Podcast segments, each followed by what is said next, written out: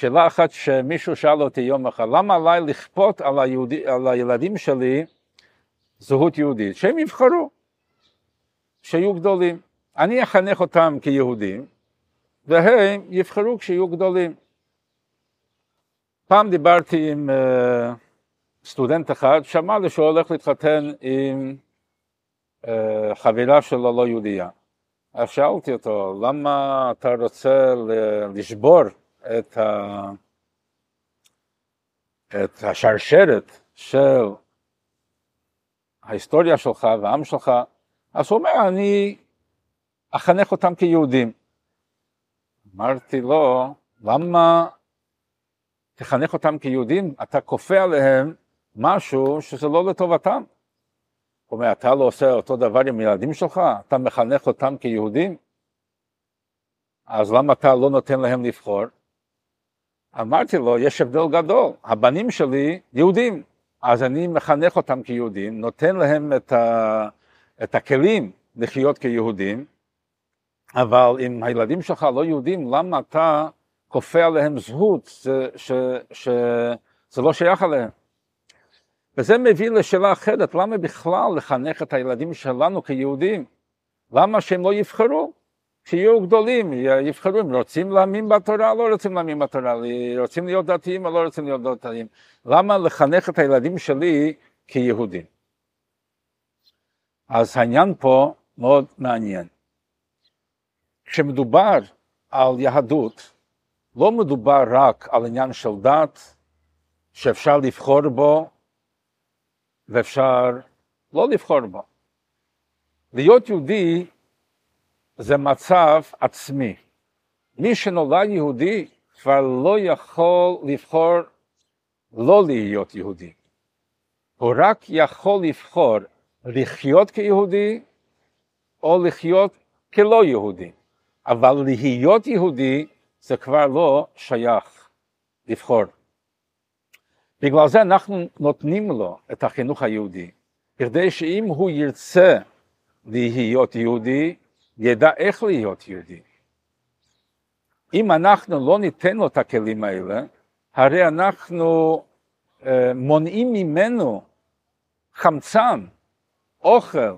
זה כמו שנגיד, למה אתה נותן אוכל לילד שלך? כשיהיה גדול הוא יחליט אם, אם ירצה לאכול או לא ירצה לאכול.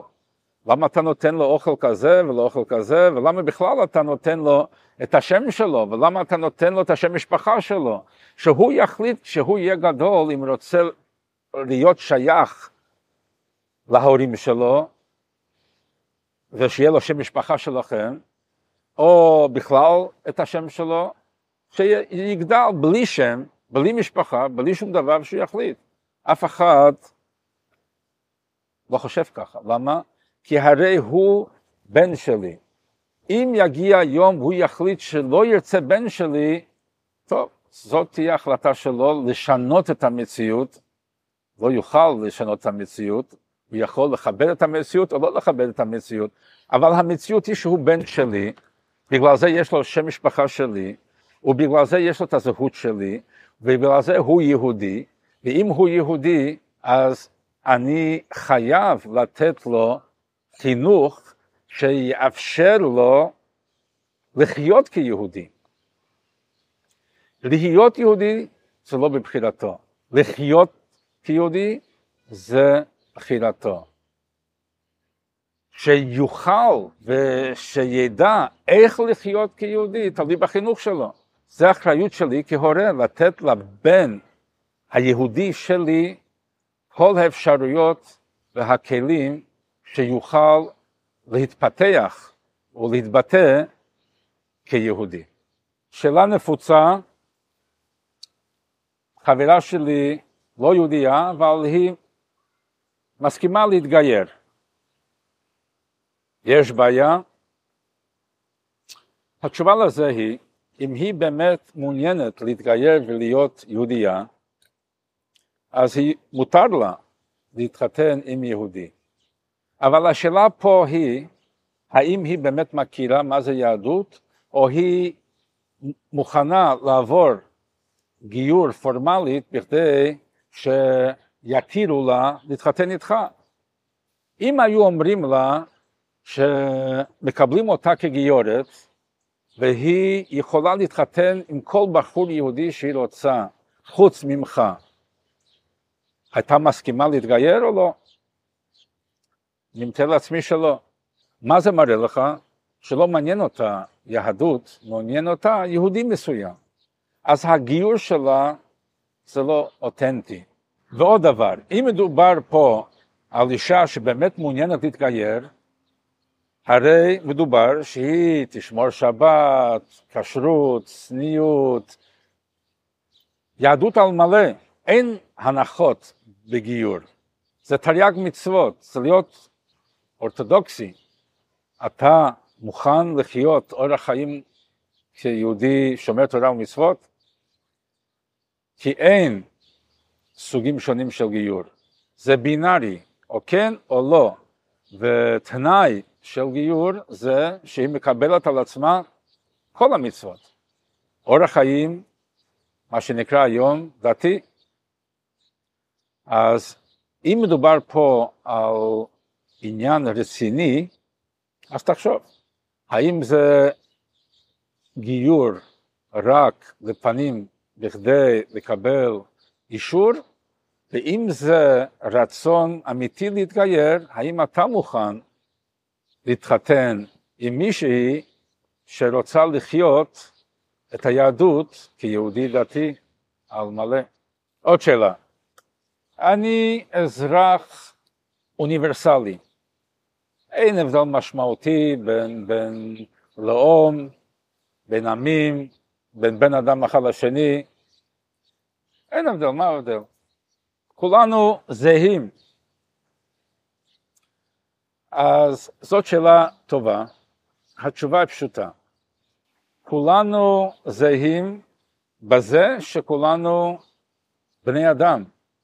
אבל כמו שחכמינו אומרים, כשם שאין פרצופיהן דומות, כך אין דעותיהן דומות.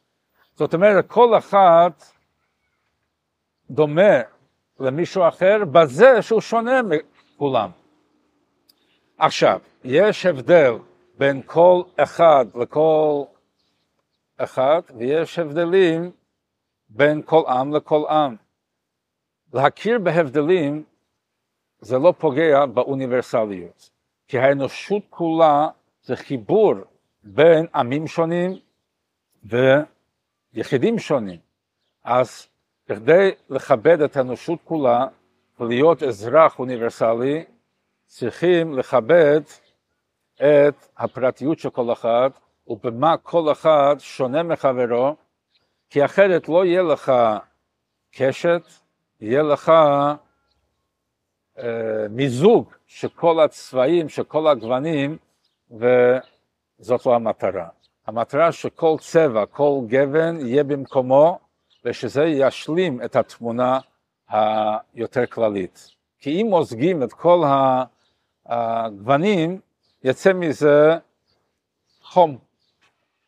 הצבע חום. לא יוצא מזה כל היופי שיצא כשכל אחד תופס את מקומו ועל ידי זה משלים את כולם. אז דווקא בגלל שאתה אזרח אוניברסלי, אתה צריך לכבד את המיוחדיות של כל עם, המיוחדיות של עם ישראל, וזה לא פוגע בכבוד שלך לאנושות כולה, אלא אדרבה. עוד שאלה, הכרתי את ולדימיר בצבא, הוא בחור נהדר, מצטיין, בכל התחומים, נתן מהחיים שלו להגן על עמנו, על ארצנו, הרי ולדימיר עשה הרבה יותר לטובת כולנו, לעם ישראל, מההוא שלא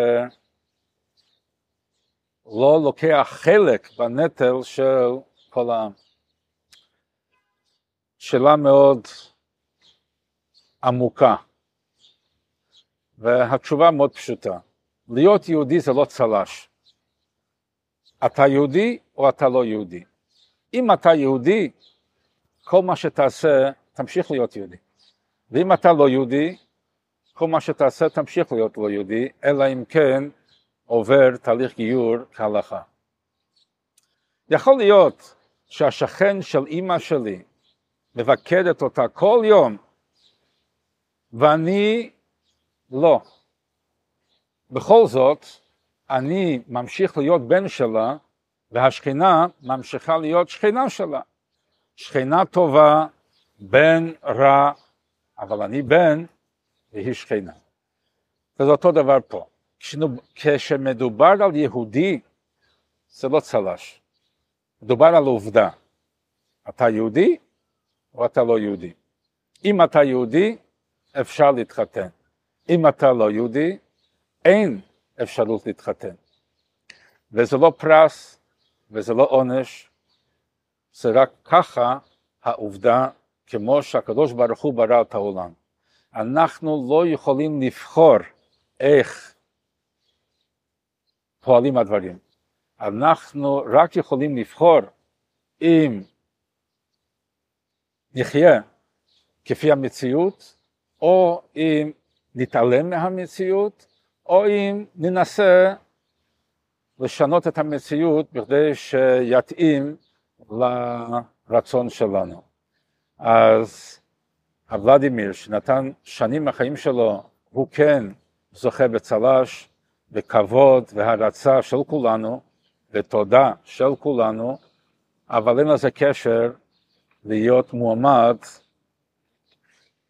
להתחתן עם יהודייה.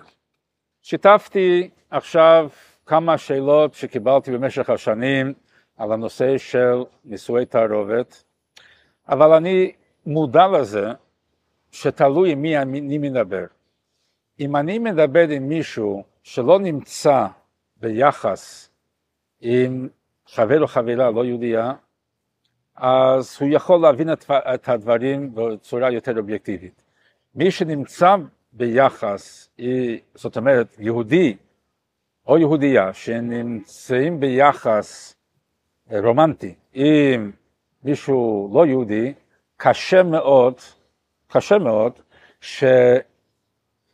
שיבינו או שיסכימו עם כל מה שדיברנו בסרט הזה. אבל לפחות שיהיו מודעים לזה. שיהיו מודעים שהרגשות שלהם לא נותנים להם לחשוב בבהירות. ואם באמת רוצים לקחת החלטה בחיים שיהיה לזה השלכות לכל החיים, שיקחו את הזמן, ייקחו את הזמן בכדי להיות בטוחים שההחלטה שלהם לא הייתה כתוצאה מהרגש שלהם ששלט בהם, כי אחרי זמן הרגש עף, ואם אין בסיס חזק להחלטה של הנישואין, קל מאוד שיתפרק. האחוזים היום של נישואין שמתפרקים זה יותר מ-50 אחוז. ומה-50 אחוז שלא מתגרשים, בטח חלק גדול היו מתגרשים אם לא היה כל כך מסובך מסיבה זו או אחרת.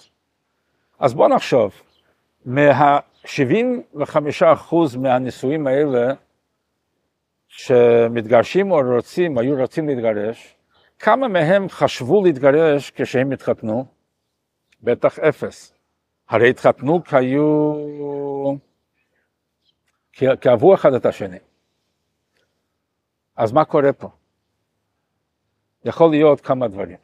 א', לפעמים קורה משהו בהמשך שלא ציפו לזה, וזה יכול אה, להביא לגירושין, אבל בדרך כלל זה כי נכנסו לחיי נישואין לא עם ההכנה המתאימה ולא עם ה...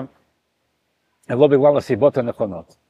אז זה מה שמביא לזה שבמשך הזמן זה מתפרק לבד.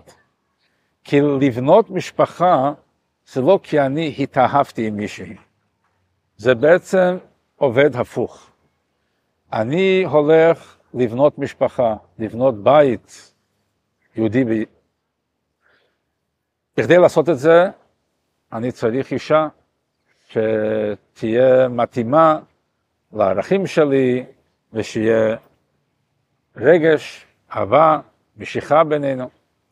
במשך הזמן, על ידי זה שאנחנו בונים יחד את המשפחה, זה מה שנותן לאהבה להיות יותר חזק. זאת אומרת, משפחה שבונים על יסוד אהבה, זה יסוד חלש. אהבה שהיא תוצאה מבניית משפחה, זה אהבה יותר חזקה. אז לפני שנכנסים לבנות משפחה, צריכים לחשוב טוב טוב טוב. אם רוצים להיכנס רק בגלל האהבה, שתדעו שזה יסוד מאוד חלש. אהבה צריכה להיות מלווה עם יסודות יותר חזקים, עם ערכים, עם בסיס יותר חזק, שנובע מהזהות הכי עמוק שיש לנו, ולא שמתעלם ממנו. מי שבונה בית על ידי זה שמתעלם ממי הוא, בסופו של דבר לא יהיה לזה קיום. מי שבונה בית על יסוד הזהות שלו, ורוצה לבנות בית שיהיה בהתאם לזה, יהיה לו הרבה יותר סיכויים להצלחה, שהמשפחה שלו יבטא את העצם שלו, שהוא ירש מדורי דורות של עם ישראל.